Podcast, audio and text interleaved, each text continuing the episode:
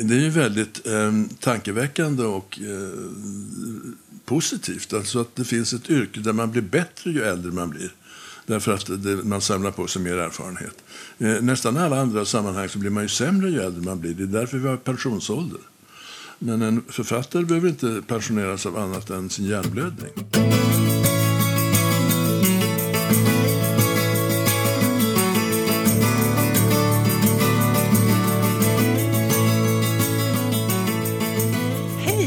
Välkomna till podden som vi har valt att kalla Skriv en bestseller. Eller en annan bok. Jag heter Ninni Schulman. Och jag heter Caroline Eriksson. Eftersom det här är ett specialavsnitt så tänkte vi börja med att berätta lite om oss själva. Vi som sitter där bakom mikrofonerna. Jag heter Ninni Schulman och deckarförfattare.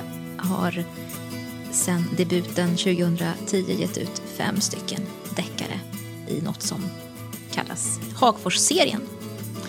Caroline Eriksson heter jag som sagt och eh, jag gjorde min skönlitterära debut eh, 2013 eh, med en bok som heter Djävulen hjälpte mig. Eh, jag skrev två historisk, eh, historiska spänningsromaner med verklighetsbakgrund. Men nu så skriver jag eh, psykologiska thrillers, varav den senaste heter Hon som vakar, finns ute nu.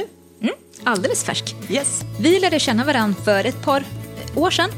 Fyra, fem kanske det är nu förresten. Och har sedan dess pratat skrivande med varandra. Bland annat. Bland annat. Väldigt mycket. Mycket annat. Hur man Ja. gör och hur man orkar. Ja, Och så. precis. Eh, och för ungefär ett och ett halvt år sedan så kom vi på idén att vi skulle starta en podd för andra skrivintresserade människor. Mm. Och då byggde vi upp den som en slags, kan man säga, en interaktiv eh, skrivkurs nästan, eller skrivkompis. Mm. Så de första 40 avsnitten har vi eh, gått igenom fasen, skrivfasen, eller skrivfaserna från idé till färdigt manus. Mm. Och det är som en, en skrivkurs man kan lyssna på, ligger där, på, där poddar finns. Precis. Mm. Och nu är vi inne på säsong två, som är lite bredare. Som vänder sig inte bara till människor som skriver själv, utan också som läser mycket. Mm. Och som är intresserade av böcker och författare och skrivande och, och läsande i största allmänhet. Ja. Men det här är som sagt var inget vanligt avsnitt, utan ett specialavsnitt. En intervju med ingen mindre än Jan Guillou. Det ska bli väldigt spännande att eh, dela den med världen och se vad ni tycker eller vad, höra vad ni har för tankar kring den efteråt. Mm. Men för att det ska vara möjligt så har vi några sponsorer. Kort bara då, vi ska prata om Mathem till att börja med. Och Mathem är ett eh, företag som levererar mat hem.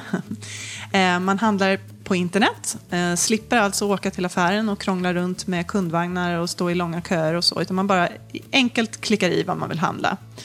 Och så kommer eh, den här leveransen på en tid som man själv bestämmer. Det är också gratis eh, för privatpersoner, de här hemleveranserna.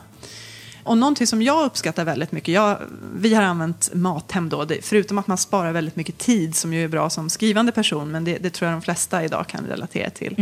Så är det också så att eh, de har en väldigt stor andel ekologisk mat, om man gillar det. Eh, så att eh, det här är något som jag verkligen kan rekommendera och som jag använder väldigt mycket själv. Vi gör i princip alla våra såna här större veckohandlingar via Mathem. Mm. Men, men hur är det så med frukt och grönt och så, när man inte kan plocka själv? Alltså det, var jag, det, det funkar jättebra. Det, de är väldigt fräscha. Det är alltid fräsch frukt. Det är alltid bra hållbarhet på eh, mejerivaror och sådana saker också. Så att det, det funkar jättebra. Mm. Om det blir fel då? Precis. Eh, det var faktiskt väldigt länge sedan det hände nu. Men det har hänt vid ett par tillfällen. Och eh, då har vi alltid eh, blivit kompenserade väldigt generöst. Ja. Så att, det känns som att Mathem är både noga och bra på att ta hand om det där. Så nästan så att man hoppas på att det ska bli något fel. Man ska få en present. Ja, precis. Nej, så det, även där har de levererat eh, riktigt bra faktiskt. Ja, vad kul. Bra. Eh, vi är också sponsrade av Löfbergs Lila. Kaffe är jag beroende av när jag ska skriva i alla fall. Och eh, kaffe kan man vinna. Löfbergs Lila lottar ut, tävlar ut två presentkort på 300 kronor styck. Då får man ganska mycket Jag kaffe tänkte säga, för. hur mycket kaffe får man för det? Ganska mycket. Ja. Ja, det klarar man sig på ett tag. Till och med jag. Eh, och för att kunna vinna de här presentkorten så vill vi att ni svarar på en fråga. Och det är vilket år företaget Löfbergs Lila startade skicka ert svar till vår Facebook-sida som ett eh, vanligt meddelande. Och den heter då Skriv en bestseller eller en annan bok. Så eh, har ni möjlighet att vinna. Och vi vill ha ert svar före den 1 oktober. Alltså frågan är vilket år startade Löfbergs Lila? Och då är det väl eh, utan vidare dröjsmål dags för oss att eh, rulla igång bandet med den här intervjun. Men mm. vi ska väl bara, som en liten introduktion här. Eh, vi gjorde ju den här intervjun för ett par veckor sedan mm. på Pirat, i Piratförlagets eh, lokaler ja. i Stockholm. Och eh, har du, vad, vad, tar du med dig för tankar eh, ifrån det här mötet med Jan Guillou? Jag, jag, tyckte att det var väldigt fascinerande att han var så jämn i humöret. Eh, när, vi, när vi kör vår vanliga podd så brukar vi eh, kolla av hissen, eh, hur vi mår. Mm. Om hissen är högt eller lågt och om den är över markplan eller under. det kan vara, det kan ja. vara eh, lite ibland olika. Det där. Ja, mm. Ibland är det källaren och ibland är det terrassen uppe. Eh, men, men, men han eh, fattar nästan inte ens frågan tror jag. Han, han är mer väderstyrd. Mm. Det tyckte jag var väldigt mm. fascinerande. Mm. Jag önskar att jag hade lite mer av Jan Guillous eh, själsliv i mig. Ja, just det. det vore enklare. vad, vad, tänkte du? Ja, nej, men det är väl, vi är ju, han var ju olik, eh, olik oss, oss eh, mm. på många sätt. Mm. Eh, dels det som du beskriver, men också, jag tycker mycket när han berättar om sin skrivprocess, att man märker att man eh, arbetar på, på olika sätt. Mm. Eh, och då tänker jag inte bara på det här med att han, han jobbar med skrivmaskin, utan också hur hans process faktiskt ser ut. Eh, och också hur han ser på eh, det här med karaktärer och eh, vikten av karaktärer eller psykologin kring karaktärerna och så. Även där tror jag vi har lite olika ingångar mm. helt enkelt. Men det är alltid spännande att höra Eller hur? olika eh, tankar från mm. olika skrivande personer. Det, det, visar bara att man har alla har sitt sätt. Ja. Mm. Men du, det är väl ingen idé att vi sitter här och pratar med Nej. er lyssnar istället? Ja, vi gör det. Som Piff och Puff säger på ja. julafton. Nu kör vi. Nu kör vi.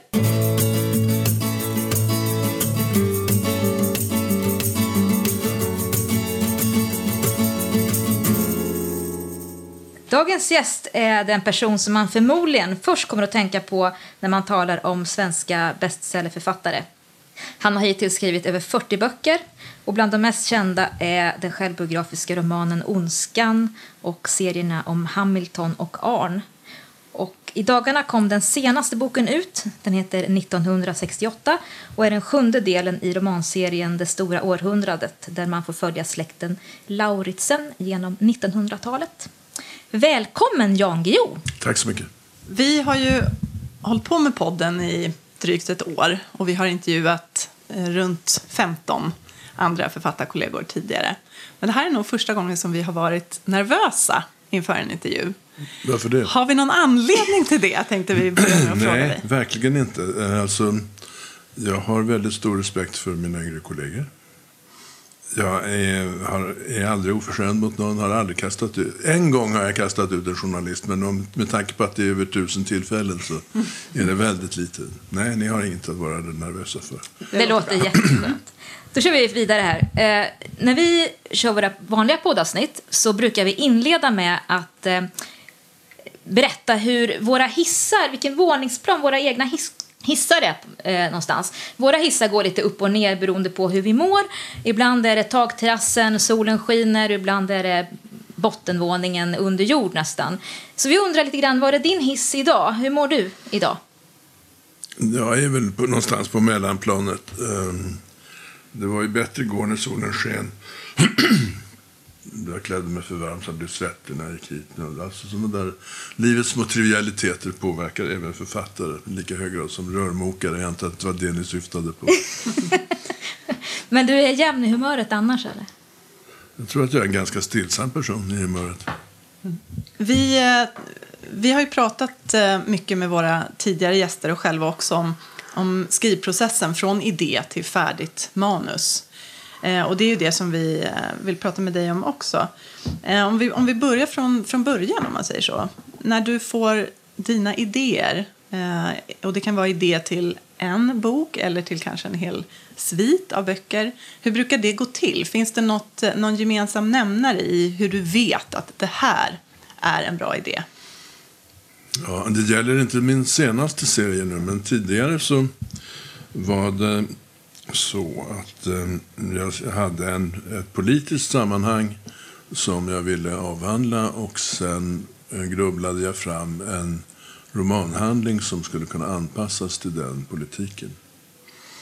Jag har liksom, innan jag blev publicerad så skrev jag eh, genilitteratur. Eh, alltså obegriplig text.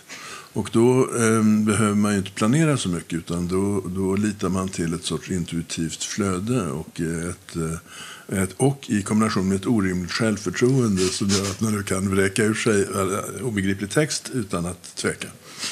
Men, men eh, alltså den tidens ideal, någon kanske anar att jag ehm, lätt ironiskt här skildrar den nya franska romanen som var alltså mina ideal.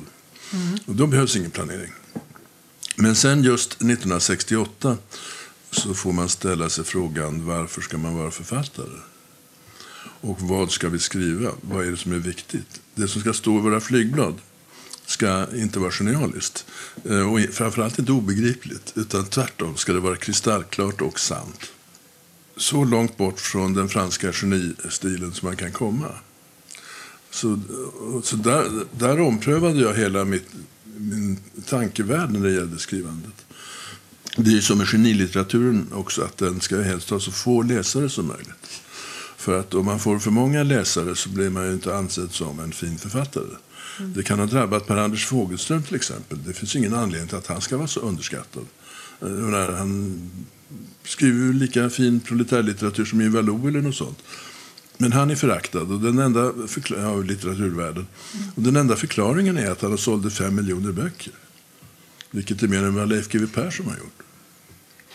Så det vill man inte när man ska vara fin författare. Men nu, från 1968, då är ju idealet att nå så många läsare som möjligt. Och hur gör man det? Eh, det är, mycket, det är lätt att få få läsare. Det är ju bara att skriva obegripligt, då får man ju få läsare. Men hur gör man för att få många läsare? Och ändå vi ska skriva något seriöst. Eh, det tar tid. Det tog några år att eh, hitta modeller för en sån stil. Mm. Mm. Har du hittat den? Ja, bevisligen. Mm. men, då, men då låter det som, för vi pratat om, när vi pratar om idéer, att man kan utgå eh, ifrån en karaktär eller en situation eller ett tema eh, ofta. Men var rör du dig där? Var det det politiska är det temat? temat som var ja, alltså, grunden? Alltså, jag sitter i Kazakstan och um, är då en författare som skriver eh, spionromanerna om Hamilton. Men där i Kazakstan så blir jag lämnad vid en tv i två dygn i väntan på en transport. För att inte bli, det enda program där jag förstår språket är CNN. Så att jag tittar två dygn i sträck på CNN, vilket är rätt tufft, även för, särskilt för en journalist kanske man ska säga. För att inte bli tokig så tog jag ett pappersark, delade upp det i två halvor och skrev två rubriker. Good guys och bad guys. Och varje gång det förekom en muslimsk person i bild på CNN så gjorde jag en markering då i tillämplig kolumn. Och när de två dygnen hade gått och eh, transporten kom det lilla hotellet så hade jag näst, mellan 50 och 60 markeringar. Men alla, utan något som helst undantag i kolumnen för bad guys. Alltså, inte vid ett enda tillfälle hade jag sett en muslimsk person framställas som vi vanliga vita i tv. Alltså vi, vi svarar på en fråga uttrycker en tankegång och har normala kläder på oss. Utan här var det bara extrema människor som hoppade upp och ner och skrek och sköt med kalasjnikovs i luften. Eh, piskade sig själva blodiga. Eh, var de kvinnor var de alltid beslöjade. Eh, ibland beslöjade och beväpnade. Eh, kort sagt, det var demoner. Och det slog det mig att de menar allvar. De, de tänker starta det heliga kriget igen en gång till. Resten av mitt liv kommer vi inte att snacka om eh, klass och eh, klyftor, sociala klyftor. Vi kommer att börja snacka ras och religion. Hmm. Vad skriver man då? Uh, ja, vi kan ju börja med att skriva om det första heliga kriget. Mm. och det är alltså Arne Magnusson-böckerna. Mm, mm, mm, och sen fortsätta in i modern tid. Alltså, mm. Ungefär så brukar det gå till. Att det, det, jag har ett, ett ett politiskt mönster som, som jag vill skildra. Hamilton-romanerna är årskrönikor i stort sett. De, de handlar om det år som boken kommer ut och året dessförinnan. Nådens år. Ja, och är, är en sorts löpande samtidssatyrer. Mm, Med, med då, mer eller mindre listiga politiska attacker på överheten. En, en spion vet ju allt och ser allt, så vi andra inte ser. Så att det är praktiskt. det är en praktisk utgångspunkt. Du hade inte det som, som... eh, Jag tyckte du sa det inledningsvis där, eller att du hade inte samma utgångspunkt riktigt när du nu satte dig ner och skrev den här... Började skriva på den här senaste sviten, det stora Nej, 1900-talet. det är, för, helt annorlunda för första gången sedan 68. Då. Och på vilket sätt? Jo, att jag har ingen, jag har ingen övergripande idé sådär som eh, med kriget mot terrorismen som jag skrev sju böcker om, inklusive Hamilton, eh, inklusive Arne Magnusson-böckerna. Utan jag trodde att när jag nu hade eh, varierat temat kriget mot terrorismen sju gånger eh, så hade jag faktiskt inget mer att säga i det ämnet. Alltså det, det är vår tids viktigaste ämne. Allting som har med araber, islam, eh, terrorister och sånt att göra, det är vår tids viktigaste ämne. Och det borde jag då syssla med. Men efter sju, efter sju nummer så, så tyckte jag att jag kan inte eh, upprepa mig en gång till. Då är det färdigskrivet eh, eh, för min del. Men då frågar min fru, som ju också är förläggare, eh, med Ivy under en svamppromenad plötsligt. Vi talar helt om böcker och sådär. Vad tror du det beror på att ingen samtida författare använder sig av det väldigt berättartekniskt praktiska formatet en familjesaga? Det brukar vara tre generationer. Värvaren, ärvaren, fördärvaren till exempel. Och det var ju en intressant fråga. Varför är det ingen som gör det? Ja, det första man kommer att tänka på när det gäller familjesaga det är Thomas Mann, Bodenbrocks. Men Thomas Mann hade det rätt enkelt. Alltså A Walk in the Park. Han skriver om 1800-talet. Han har ett litet skitkrig mot Danmark 1868 att hålla reda på. Och sen ett rätt kul krig mot Frankrike 70-71. Och så kommer Tyskland till. Alltså det är all politik.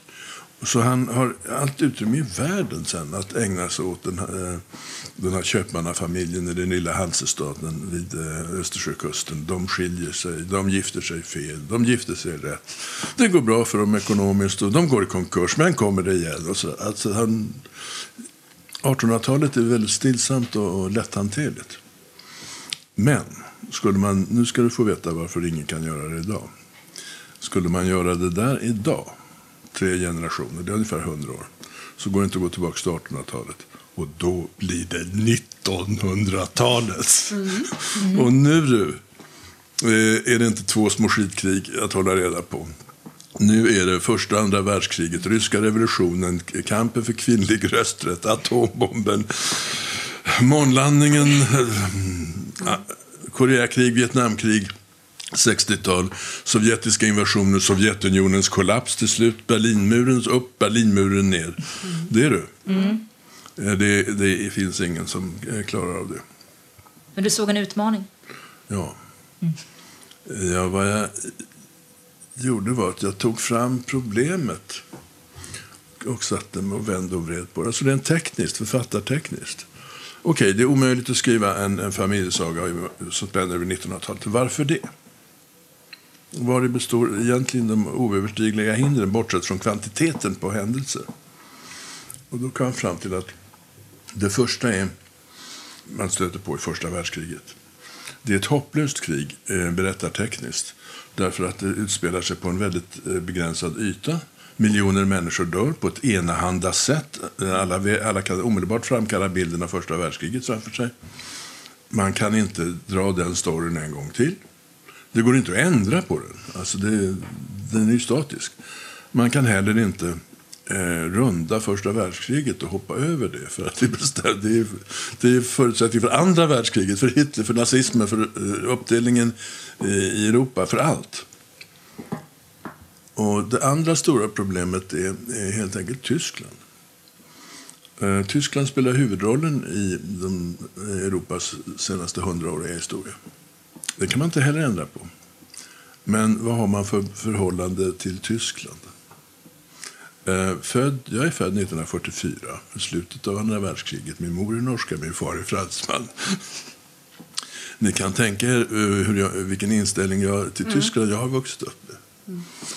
Och att ställa in sig i raden av dem som, som eh, vill kritisera Tyskland är meningslöst. Alltså. Eh, och man kan heller inte göra den omvända historien för att det finns så mycket ont i den tyska historien att det, det blir också ofrånkomligt.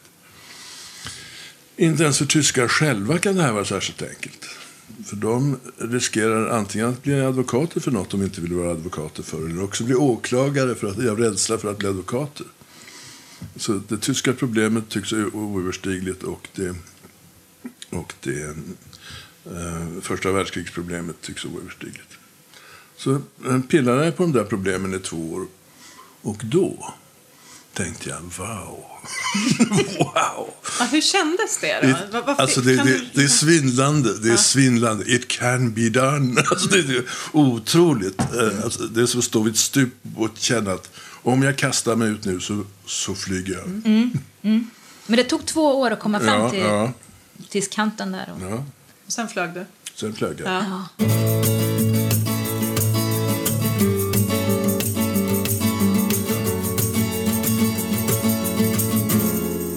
Det här kommer ju osökt in på nästa, nästa tema som vi tänkte gå in på, det här med research.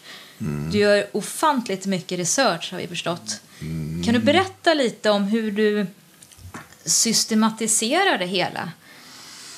Ja, alltså det finns ju en historisk ram som man inte kan ändra på om man inte skulle vilja skriva kontrafaktiskt. Men mm. det, det, har jag inte gjort hittills. Eh, så den är given. Men, men sen gäller det nu att inte dränka sig själv i, i research. 1200-talet går att läsa in. Det har jag nämligen gjort. Det tog två år. Det är ingen konst. Det är fem meter böcker. Hyllmeter alltså. Mm. Uh, har man läst fem hyllmeter uh, om 1200-talet, då kan man det. Då vet man hur de talade, hur de lät, hur de tänkte, hur deras gud såg ut, hur deras religiösa diskussioner såg ut, hur de red, vilka, vilka stridsmetoder de använde, etc. etc. 1200-talet, det går att läsa in. 1900-talet, glöm det. det är inte fem, det är många, många hyllmeter. Det är, inte, det är inte fem hyllmeter, det är böcker staplade härifrån till månen och tillbaks. Mm. Mm. Det gäller nu att låta huvuddragen vara med, de som man inte kan ändra på men hitta en annan vinkel än, än den som man skulle tänka i första hand. Om vi nu tar det här med första världskriget. Eh, det är omöjligt att återvända till skyttegravarna i Flandern. Men om man förlägger första världskriget till Afrika, då händer någonting. Det är samma huvudmotståndare, det är England mot Tyskland. Engelsmännen är skurkar i Afrika, tyskarna är hjältar. Också det är rätt kul. Då. Eh, då och då kommer de stridande parterna i Afrika att med tre månaders försening få besked om händelseförlopp i Europa där de inte har en aning om eh, egentligen vad som sker. Eh, beskeden innehåller ortsnamn de aldrig hört talas om. Alltså gäller det nu eh, att när, det, när första världskriget ska läsas in så läser jag kanske 500 sidor om kriget i Afrika. Det är ju fullt möjligt att göra. Mm. Det blir första världskriget på det här sättet, mm. fast på ett helt annat sätt. Eh, och då har jag begränsat research, researchen till något som är möjligt att göra. Mm. Och det, så ska man, måste man gå tillväga. Eh, det finns ju en författare till som har gett sig in i samma projekt, nämligen Ken Follett. Som är en författarindustri. Han har 25 personer anställda. Ja. Det är bland annat personer som ska hålla reda på middagsbjudningar, kläder och skräddare och, och skoköp och sånt. Men också eh, åtminstone tre researcher som jobbar på hans kontor på heltid. Och eh, när han nu ska skildra 1900-talet så har de satt de där extra knäckande docenterna i arbete. Och då eh, finns det inte en viktig detalj som de går miste om. Och då blir hans böcker 1200 sidor långa, vilket är tjänstefel. Och det blir eh, en berättelse som blir eh, en upprepning av eh, alla historielektioner och inte så mycket mer. Mm. Så där, det överskottsresearch som Ken Follett använder sig av med sina anställda är nästan kriminellt. Alltså det, det, det, det hade inte varit framgångsrikt. Eller, eller, ja, det, är inte, det är inte särskilt framgångsrikt i meningen. Det blev inga bra böcker. Skadegl med stor skadeglädje läste jag den första. Du detta. Mm. Men kan man, om man, det här är svårt, men kan du sätta någon i tid räknat? Hur mycket tid i, i hela processen lägger du på research om man då jämför med skri själva skrivandet? Halva tiden. Ja. Det var bra. Det var tydligt, mm. mm. tydligt svar. 50-50. Mm. Hamnar du någon gång i den här fällan att du vill berätta mer än vad läsaren egentligen behöver? Absolut. Det är, det, det är liksom eh, ett standardfel som vi alla gör mer eller mindre. Eh, men när man gör research så gör man ju ibland små fynd. Mm. Mm. Man blir stolt över sina fynd och, och, och, sådär. Och eh, det är nästan omöjligt att uh, hålla frestelsen borta, att imponera på läsaren med hur mycket man har hittat. Och då hamnar man i en sorts föredragslunk för att man har för mycket och för bra research. Mm. Så om det är något eh, område där talesättet kill your darlings eh, gäller så är det just det här researchdelen. Jag ser på det här leendet att ni känner igen det här. ja, vi, kan det eh, och, uh, vi har alla varit där kan jag försäkra. Ja, vad duktig jag har varit som ja. har gjort så mycket. Ja, mm. Men hur kommer du till rätta med det då? Um, märker du det själv eller är ja, det någon annan som märker? Eh, jag tror att man, ju mer erfaren man är, mm. desto lättare ser man det där. Svårigheten är, när man, antar jag, när man befinner sig i början på sin författarkarriär, att, att se den här bristen som lätt, så uppstår så lätt. Är det jobbigt att stryka ja, de små det... föredragen som du har? Ja, ibland, ibland inte. Mm. Jag har ju också Darling som jag inser att det var väldigt, de är ju väldigt kul. Men alltså, antingen ska man berätta mycket mer om det eller också får man ta bort det. Mm. Men alltså, felet är inte att ha för mycket research, felet är att redovisa för mycket mm. research all spännande research som du måste ha gjort. Du har skrivit så liksom, vitt skilda böcker som utspelar sig på vitt skilda mm. platser. Ja. Um, har du någon speciell uh, liksom, minnesvärd episod eller så? Någon, någon händelse som liksom, uh, har satt sig extra i minnet hos dig? Någonting som du har varit med om? Ja, då, det var flera, flera naturligtvis. På Varnhems kloster, där Arn Magnusson uppfostrades, hade man också ett stuteri. Man um, avlade hästar som man trodde man skulle kunna sälja till de korkade nordiska männen som inte begrep hur bra de här hästarna var. En vacker dag så kommer det nu en, ett brev från en professor vid universitetet i Roskilde som har skrivit sin eh, doktorsavhandling om cisterciensermunkarnas hästavel. Och ehm, eh, han säger att han känner igen eh, väldigt många detaljer från sin, från sin egen forskning. Men det är också några uppgifter som, som eh, han inte känner igen. Och han undrar, var i all fridens namn har jag hittat det här? Som ju måste vara riktigt, men han, alltså, han, han borde ha koll på allt i hela världen som har skrivits i ämnet. Och så, så hur har den researchen sett ut? Då kan jag med rätt eh, stort nöje rycka upp telefonluren och ringa till honom för att det här är kul. Svaret är nämligen, jag har inte gjort någon research alls. Utan jag har sett en bild, en propagandabild. En målning där det står eh, en äldre munk, det är alltså chefen, eh, och två yngre munkar. Och så pekar han ner i dalen och pekandet betyder där nere ska klostret ligga.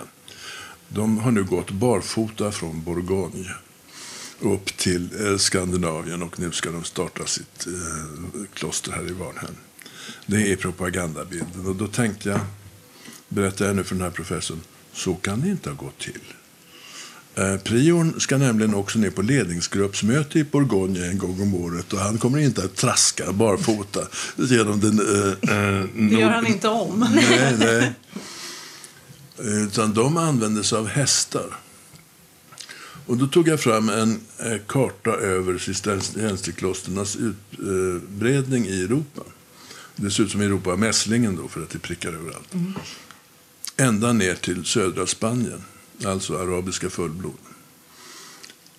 Och så smarta och välutbildade som de var i den här organisationen så tog de väl de bästa hästarna och gjorde business av det, gissar jag. Och allt detta är rätt gissat. Det är så? Så, ja. så att min research bestod av eh, att titta på en propagandabild och tänka att den är falsk. Titta på en karta över klostrens utbredning i Europa och sen eh, bara gissa resten. Och det råkade bli rätt. Då berättar den här professorn, han skriker ju av skratt när han hör det här. Det är ett fantastiskt möte mellan vetenskapen och författaren. Mellan den noggranna researchen och den fria fantasin. Att de kan komma så nära varandra. Då berättar han att det som fick igång honom att forska om det här, det var när han såg en propagandabild av tre munkar barfota som påstås ha gått från Bourgogne.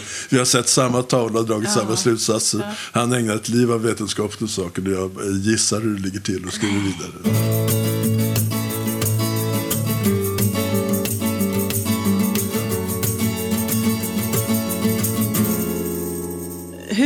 Planerar du inför, förutom eh, research, så, så hur mycket av din eh, berättelse har du klar för dig när du väl sätter dig ner och skriver? Eftersom jag skriver just nu historiska romaner så har jag huvuddragen omedelbart klara. Mm. Mm.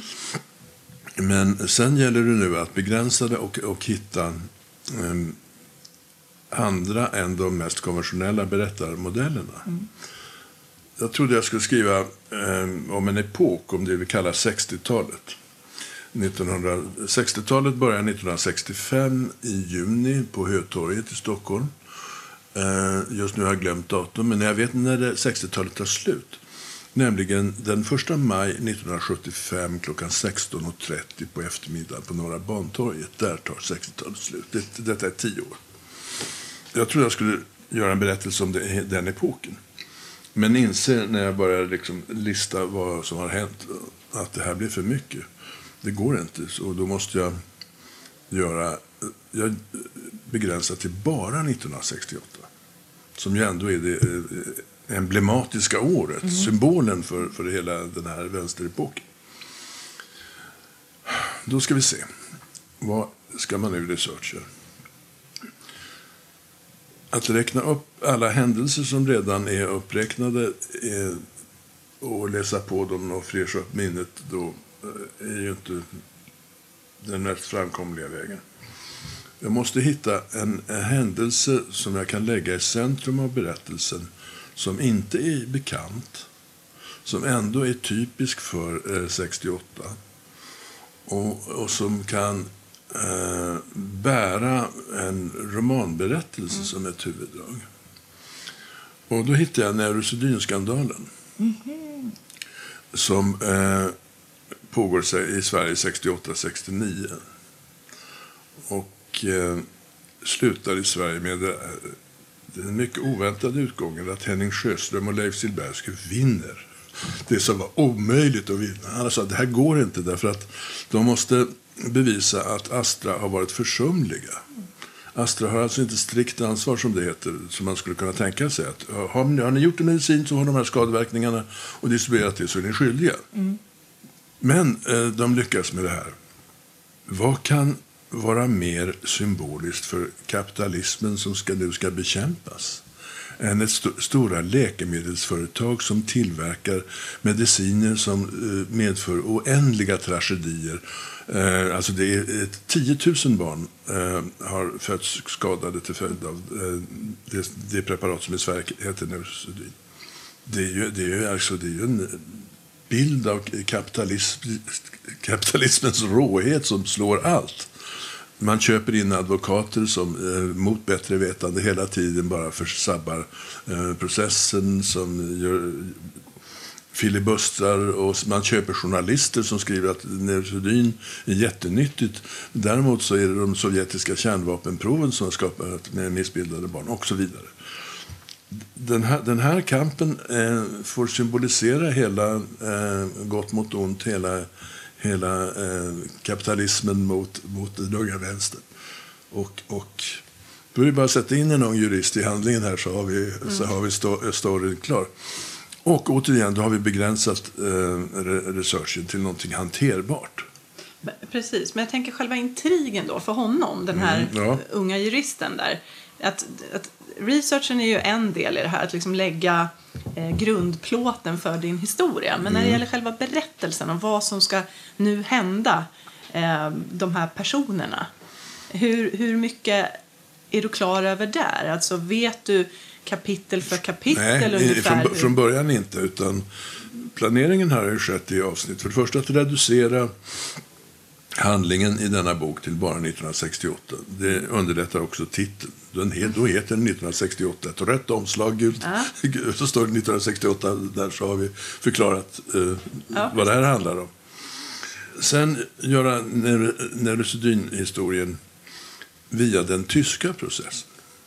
Därför att eh, då får, kan jag få iväg en huvudperson till Tyskland, vilket är oerhört viktigt 1968.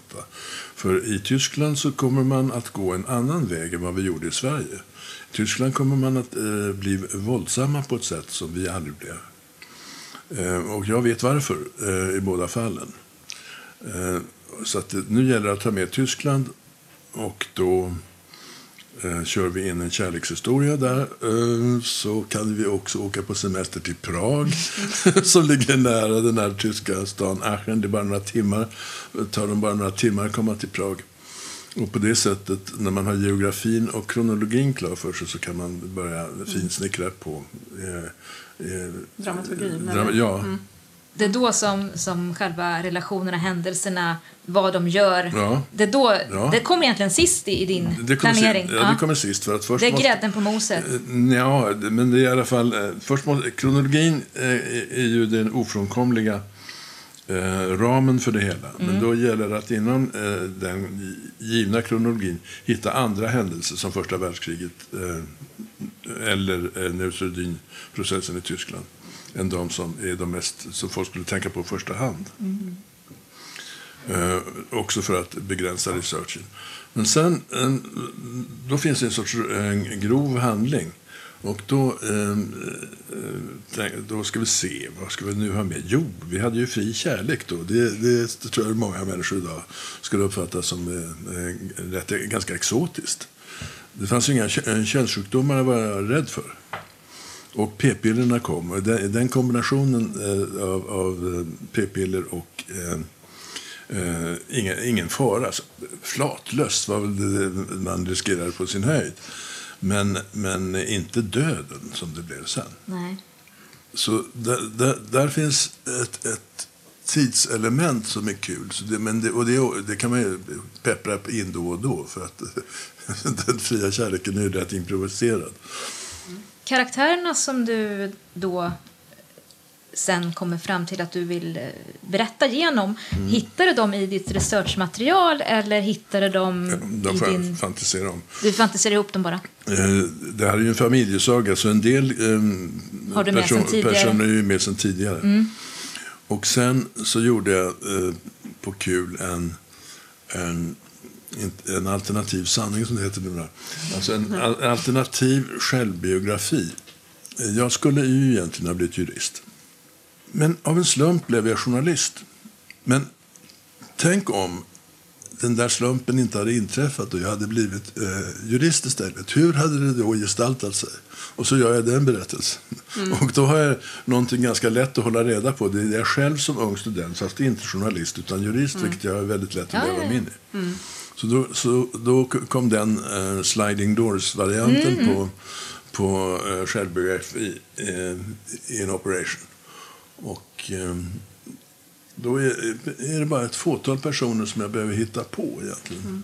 Har du gjort så även tidigare? tänker jag? Använt dig själv? Liksom, oh ja. Variationer eller alternativa alternativa Jan? Ja, så fort det eh, förekommer någon Erik Ponti i handlingen mm. så är det jag. Mm. Mm. Men även med Arn eller med eh, nej, det, alltså, Hamilton? Alltså, eller? Nej, nej, nej, med 1200-talet så går det inte. Utan nej, men jag tänkte personlighetsmässigt eller eh, att man hämtar drag från sig själv eller nej, andra. Nej, eller så. nej, nej. 1200-talet är omöjligt. Alltså, okay. Det är en annan det är en helt annan eh, värld, eh, intellektuellt och filosofiskt och religiöst.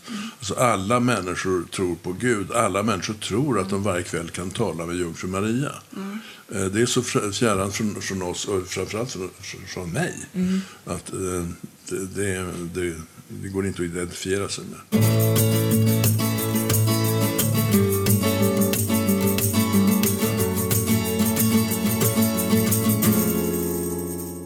Ju förstått, och många med oss, att du skriver på maskin.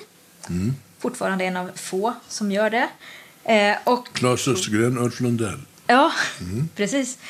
Eh, ni är några stycken.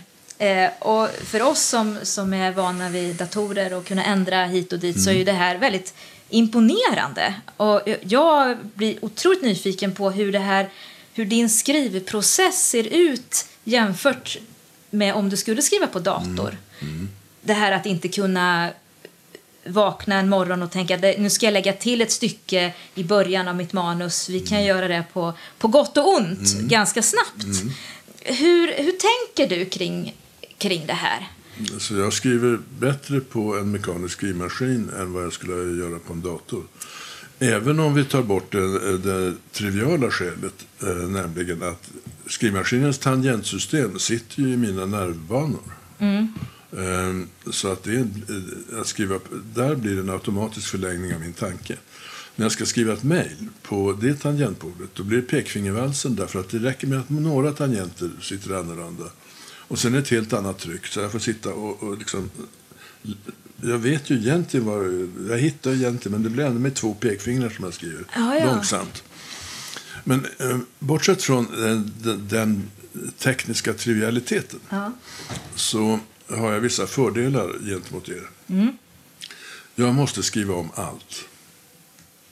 Varenda rad. Så jag har 25 sidor eh, text, ett kapitel. Eh, Ann-Marie, eh, Eh, fru och förläggare, kommer ut på helgen och läser det där och har anmärkningar, förslag och eh, rättelser. Själv har jag klottrat det där fullt. Eh, och det måste alltså då skrivas om från början, allt. Det innebär att det sker fler förändringar än de som redan står med kulspetspenna här.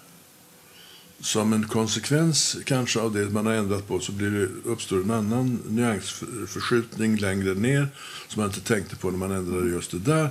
Det, så att det, det, det blir en, en, en text som är mycket mer förändrad än vad den skulle ha blivit med en dator, med den tekniken. För då, då är det som jag gör med kulspetspenna gör ni med, med maskinen. Och eh, min tro är då att, att då eh, blir mitt manus mera genomtänkt och mera genomarbetat än vad det skulle ha blivit med en dator.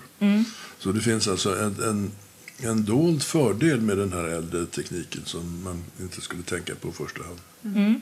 Men du sa ju det, du, du får ju då feedback löpande under skrivandets gång Ja. av Ann-Marie, din förläggare. Hur gör du då? Tar du till, alltså de här, här, de här fullklottrade sidorna Ja. som du säger, går du tillbaka och ändrar dem på en gång eller har du dem med dig då som till nästa variation så att säga? Förstår du hur jag menar? Nej, jag skriver om kapitlet. När Ann-Marie åker in till stan på söndagen så sätter jag igång och skriver om det här kapitlet. Mm, och det tar två dagar. Och eh, när det är gjort så skriver jag vidare. Då. Då går du på nästa kapitel och så får du feedback på helgen. Ja, Och så, mm, så ja. det är tågordningen. Ja. Vad spännande. Det är så, Mm, det är så kul. Men finns det något steg i den här skrivprocessen där du önskar att du hade haft en dator? Finns det något som där skrivmaskinen är inte ger bara fördelar utan också... Nej, det finns inte. Det finns bara fördelar Ja. ur min eh, aspekt. Eh, till och med fördelen att eh, eftersom alla, eh, all eldistribution håller på att privatiseras i Sverige så blir den ju sämre såklart. Eh, eftersom man ska höja direktörslönerna och aktieägarna ska ha mer utdelning. Och det innebär särskilt för oss som bor på landet att eh, då och då blir det strömavbrott. Om ni sitter och skriver en kväll och det säger pang och så är det mörkt, och, då, är, då är det färdigt. Om man inte har bra batteritid. Ja. Och ehm, För mig inträffar då bara att jag bär fram två ljuskandelabrar och skriver vidare som en sorts celibidache. Då blir det myskväll. Mm. Så att jag ser bara eh, fördelar med, med skrivmaskinen. Mm. Men hur går det till, alltså det här, det här måste jag ändå bara fråga, hur kommer texten in i, alltså hur blir den digital? sen då? För den måste ju överföras på ja, ja, den, din... det, är, det är naturligtvis enkelt. Det är bara att de, de, mina maskinskrivna andra versionen-sidor, de är väldigt rena. Ja, mm, så. Eh, så då är det bara att skanna in dem i en ja. Eh, dator. Mm. Så blir, blir, texten elektronisk. Ja. I början så var det lite besvär med rättstavningsprogram och sånt där.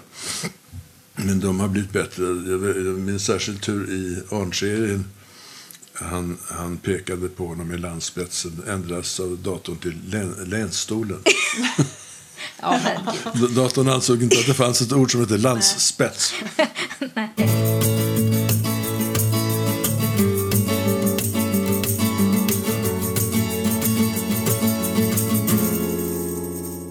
har vid något tillfälle skrivit en krönika eh, med rubriken att inspiration är för amatörer. Mm. Mm. Det är något som Ja, skriv, skrivhugade personer har tagit till sig, tror jag. Är det så? Ja, så är det. Alltid? Alla som skriver amatörmässigt eller professionellt känner till eh, flykten från skrivmaskinen eller datorn. Jag måste dammsuga eh, kanske först. Eller jag måste skriva de där breven. Det kan jag göra nu. Um, vänta, nu är det snart lunch. Då kanske man ska, jag läser tidningarna och sen går jag och äter lunch. Och, och så där kan man ju få eh, tiden att gå medan skrivmaskinen står där och morrar. Där kommer då amatörens föreställning och inspiration. Jag känner mig inte inspirerad just nu och så blir det en undanflykt som underlättar de här andra flyktmekanismerna. Eh, då ska man ha klart för sig att det gäller att få ner skiten på papper först. I mitt fall, eller då i, på skärm mm. i ert fall. För har man fått det så är arbetet i alla fall igång. Även om man skriver dåligt. Ja, då ser man ju det. Då börjar man ändra på det. Men alltså, man måste börja skriva. Man får inte dammsuga först. Mm. Mm. Eh, och det där tar, vet jag att det tog mig åratal att lära mig. När det känns tungt då? Sitter du där ändå? Ja. Sitter du ut ja. en tid eller tänker du att du ska skriva ett visst antal sidor papper varje dag? Eller har här, du något mått på vad du måste prestera? Ja, eh, jag hade ända fram till och med Arnböckerna ett eh, mycket precis mått. Jag skrev 10 av 4 sidor varje dag och slutar då i regel mitt i en mening. Mm. I vissa fall mitt i ett ord. Det, det, två principer kommer nu i, i funktion här som gäller skrivandets psykologi. Det ena är att få ner skiten på papper. Att, inte, att göra det. Mm. Eh, de tio sidorna kunde ta olika lång tid, men jag skrev alltid de där tio sidorna. Hur lång tid brukar de ta? Uh, mellan fyra och åtta timmar. Ja. Den andra fördelen, förutom att få ner skiten på papper eller respektive skärm, är att när man ska börja skriva nästa dag så behöver man inte, man ska aldrig ha skrivit ett, ut ett kapitel eller en hel handling så att man har liksom ett helt nytt projekt, intellektuellt projekt att brottas med när man då då blir det lättare att smita till dammsugaren. Mm. Eller något, mm. Men ska man fortsätta mitt i en mening så gör man ju omedelbart det och så är man igång. Mm. Eh, så det, det, är en metod som jag kan rekommendera alla. Att inte skriva ut, om jag skriver lite längre idag så är jag klar med det här kapitlet. Fel. Just det. Mm. Fel. Mm. Nej, men det, ja. Jag tror faktiskt vi till och med har pratat om det här ja. under första året. Mm. Undrar om vi hade ja. dig som inspiration där. Mm, men eh, sen är det ju så också att även om man alltså, jobbar oavsett inspiration eller inte mm. så kommer ju de här dagarna eller stunderna eh, under skrivprocessens gång där man känner att ens text är inte så bra. Ja. Eller att man själv inte är så bra. Eh, och det där går ju upp och ner. Mm. Eh, har, har även du, det är också därför vi bland annat pratar om det här med hissen, att man, man åker mm. väldigt mycket upp och ner i känslan för sin text och det man skriver och sig själv som skrivande person. Har du också sådana svängningar? Som, som för alla andra, alltså det man påverkas av sitt hälsotillstånd. Uh, att vara jättesnuvig och skriva är inget kul, vet ju alla. Nej. Det är inte kul att vara plåtslagare och gå till jobbet om man är jättesnuvig heller. Eh, Så inför, eh, inför fysik och väder är vi utsatta för samma psykologiska tryck som alla andra yrkesverksamma. Det är väl för de flesta så att det är lättare att skriva om det är vackert väder. Eller om det är jävligt trist. Eh, Man kan eh, se skönhet i novemberdimma också när man tittar ut genom fönstret.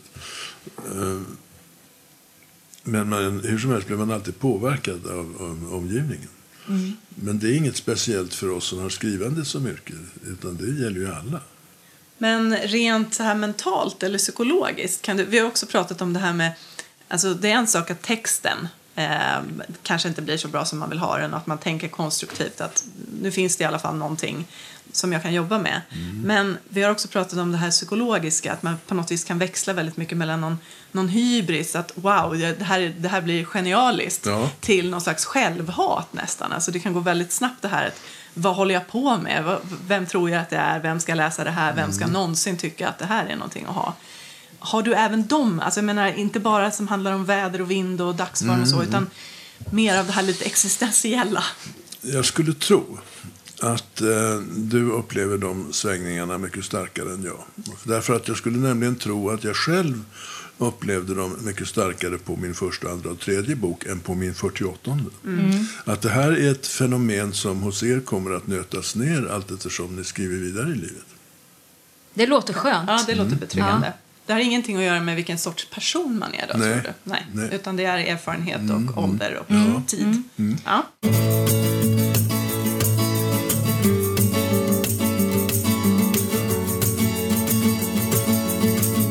Du, vi pratade ju, eh, eller du, du pratade inledningsvis lite grann om det här med, du nämnde ordet genilitteratur, Ja. pratade om det här med eh, stora upplagor eh, kontra att... Små, exklusiva Ja, upplagor, precis. ja. Jag tänkte det är lite intressant att höra hur, eh, hur tycker du att synen på underhållningslitteratur eller genrelitteratur som det ibland kallas. Hur är synen på den typen av böcker i Sverige? Och finns det någon skillnad på hur vi ser på det i Sverige jämfört med i andra länder? Ja, I USA skulle man inte förstå den svenska uppdelningen. Ehm, och eh, vara väldigt främmande för, för att eh, bedöma, eh, hitta på ord som genrelitteratur, ett ord som jag avskyr förresten. Vem är det egentligen som har myntat det här begreppet kan man undra? Jag, jag tror att det är eh, Jerker Wihlborg och hans kompis eh, Daniel, Daniel Sjölin. Ja. Men de försökte inte de skriva deckare? Jo, de Jo, ja, visst. på- De skulle skriva genrelitteratur Ja. Och för att tjäna pengar då, för eftersom de är genier så ska, kan de naturligtvis skriva en äventyrsroman som Hamilton lätt som en plätt. Och, och sen så gjorde de det och ingen läste deras böcker. Och, och Daniel Sjölin berättar hur han kommer tillbaks nu till den riktiga litteraturen och ingen märker att han har varit borta och skrivit genrelitteratur. Den där föreställningen dyker ofta upp hos eh, författare eh, som säger att, att eh, vi är så överlägsna, vi som är genier är så överlägsna de där genreförfattarna att vi skulle eh, kunna skriva en sån för att tjäna in lite pengar. Varför tror du att vi har den här synen då just i Sverige? Vad är det det beror på? Jag tror att, att eh, universitetslivet har eh, ett oproportionerligt stort inflytande över den litterära smaken i Sverige. Vi har en uppsjö nu av Eh, rätt unga kvinnliga författare som har läst eh, litteraturvetenskap, som det numera heter. Det är inte litteraturhistoria längre, för det hade, det hade varit, utan nu är det vetenskap. Så att de vet hur en roman ska konstrueras och vilka komponenter den ska innehålla för att vara så att säga godkänd. Eh, det är framförallt en vetenskap som, som de tycker ska prägla litteratur, det är psykologi. Varför inte teologi eller juridik? Eller varför just den vetenskapen? Men nu är det så. Så de är överens på eh, våra universitet om att psykologi är grejen med fin litteratur. Eh, och eh, så lägger de på den mallen på de böcker de ska titta på. Det är för, det är för lite psykologi, skit. Och, och särskilt i kombination med att sälja mycket. Då. Så att jag får, varje, gång, varje år jag ger ut en bok så kommer de här damerna som sen själva skriver romaner och eh, berömmer varandra som innehåller jättemycket psykologi om hur, hur man blåser äldre män när man ligger med dem på universitetet. och sånt där. Det, är, det är en kanonhandling som upprepas av flera unga damer som sen får mycket beröm av sina kollegor. Och sen doktorerar de eller sådär, och blir kritiker. Kan du känna en, en bitterhet eh, eller en, eh, någon form av frustration över det här? Ja, inte bitterhet, för att jag vet ju vad jag gör. Eh, jag bestämde mig 1968, nej, man ska inte skriva för ett fåtal. Man ska skriva för så många läsare som möjligt och jag ska komma på ett sätt att få skriva för många läsare. Det, var ett, det är ett politiskt beslut. Mm. högst medvetet. Det tog några år att komma på hur man sen ska göra det praktiskt. Men det var det jag valde. Mm. Vår podd vänder sig ju i mångt och mycket till människor som själva drömmer om att skriva och skriver redan nu. Mm. Har du något råd att ge? Ett, det gäller att få ner skiten på papper. Mm, det var bra. Det var bra. Få ner skiten, få ner skiten ja. på papper. eh, sen är det ju ett, eh, ett erfarenhets och hantverksyrke. Mm. Man ska betänka en sån sak som att om eh, vi tar en, en lättillgänglig författare som eh, har varit mycket älskad i Sverige, som Ivar Lo-Johansson. Eh, han skrev hela sitt liv, i stort sett. Han skrev bäst i 80-årsåldern. Mm. Och det är ju väldigt eh, tankeväckande och eh, positivt. Alltså att det finns ett yrke där man blir bättre ju äldre man blir. Därför att det, man samlar på sig mer erfarenhet. Eh, nästan alla andra sammanhang så blir man ju sämre ju äldre man blir. Det är därför vi har pensionsålder. Men en författare behöver inte pensioneras av annat än sin hjärnblödning. Det ska alla som ska eh, börja skriva tänka på. Så att man är inte geni. Nej. Så få ner skiten på papper och eh, ge tid för eh, och, och, utveckling. Och, öva, öva, öva. Mm. Öva, öva, öva. Mm. Läs. Mm. Läs, läs, läs. Öva, öva, öva. Mm det är ganska många som vill skriva idag. Många som ja, drömmer om ja, att, bli ja, författare oh eller ha ett skrivande liv. Men frågan är, kan alla? Nej, det tror jag inte. Uh, kan inte, alla lära sig? Ja, i viss utsträckning. Uh, jag vet inte vad, det är så, precis som du säger, det finns ovanligt många som vill skriva nu. Hur kommer det sig egentligen? Jag tror um, att det finns en, ett trivialt skäl det är väldigt många eh, unga deckarförfattare som har blivit väldigt rika. Den här drömmen om att, att bli rik eh, tror jag faktiskt eh, påverkar många människor. Vad, vad, tror du då? Det är många som vill, många känner sig kallade, men kan alla lära sig? Ja, näst, nästan alla skulle kunna lära sig. Om man, har, eh, om man får skriva på sitt modersmål.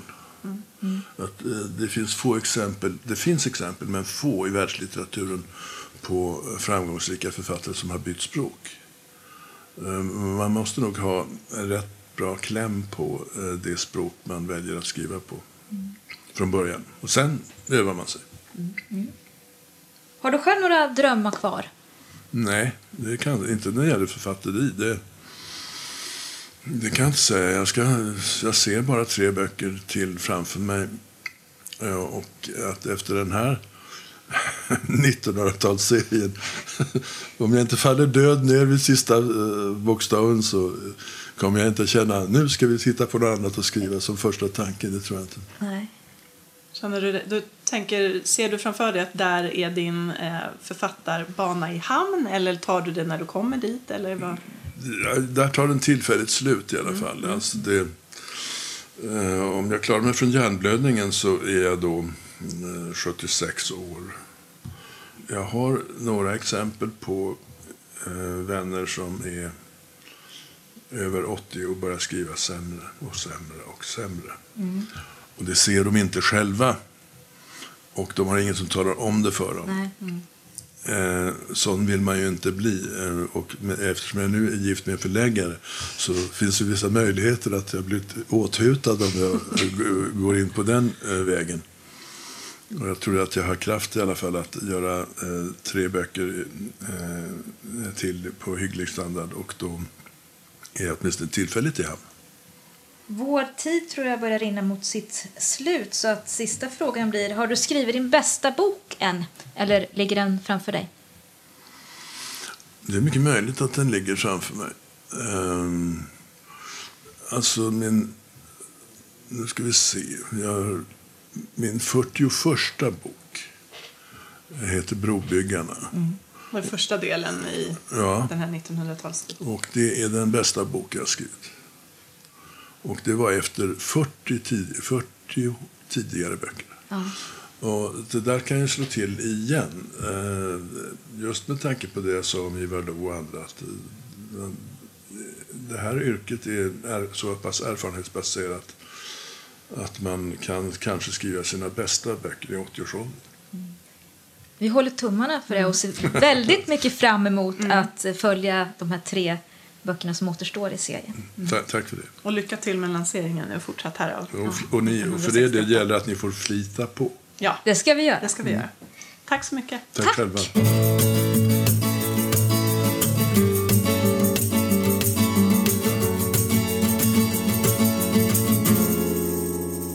Ja, det var det. Eh, mycket matnyttigt hoppas vi att ni har fått med er. Eh, en och annan eh, nyhet eh, som vi kanske inte visste om Jan Guillou tidigare. Det var ju första specialavsnittet. Vi hoppas det kommer fler. Ja under hösten.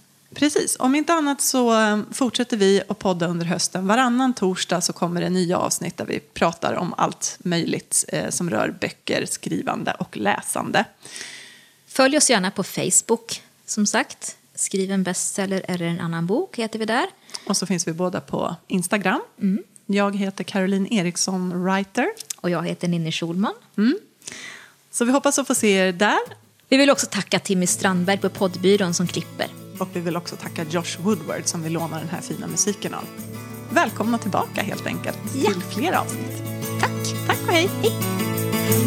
Take time, do what you're gonna do and just smile, you're gonna see through Your wings are gonna sprout and lift you off the ground, time, do what you're gonna do, just smile, you're gonna see it through Your wings. Are gonna sprout and you will learn to fly